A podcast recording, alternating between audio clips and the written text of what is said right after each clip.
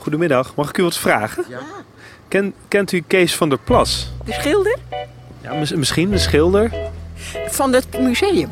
Ik geloof, ik geloof de notaris. Vroeger de notaris heet ook Kees van der Plas. Vanaf 19 april verschijnt elke vrijdag onze Grote Vragen-podcast. En in elke aflevering geven we dan het antwoord op een grote vraag, altijd net iets te uitgebreid. En dat zes weken lang, want we hebben zes afleveringen gemaakt. Je hoorde net een stukje uit de aflevering over de vraag van Merel. Nou, mijn vraag was of achternamen uitsterven. En zo ja, want dat vermoed ik, wanneer dat een probleem wordt.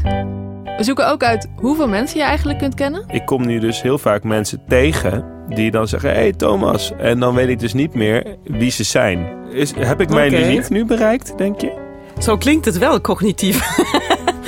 We zoeken uit wat het verschil is tussen moord en doodslag. En de passiemoord is dus eigenlijk een Verkeerd doodslag. woord, want het was een doodslag. maar het woord passiedoodslag, dat doet het niet zo goed.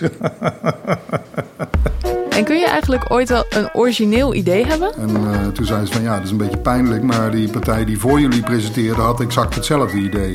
Dat en meer vanaf 19 april dus, in de Grote Vragen-podcast van de Volkskrant. Te vinden hier op dit kanaal.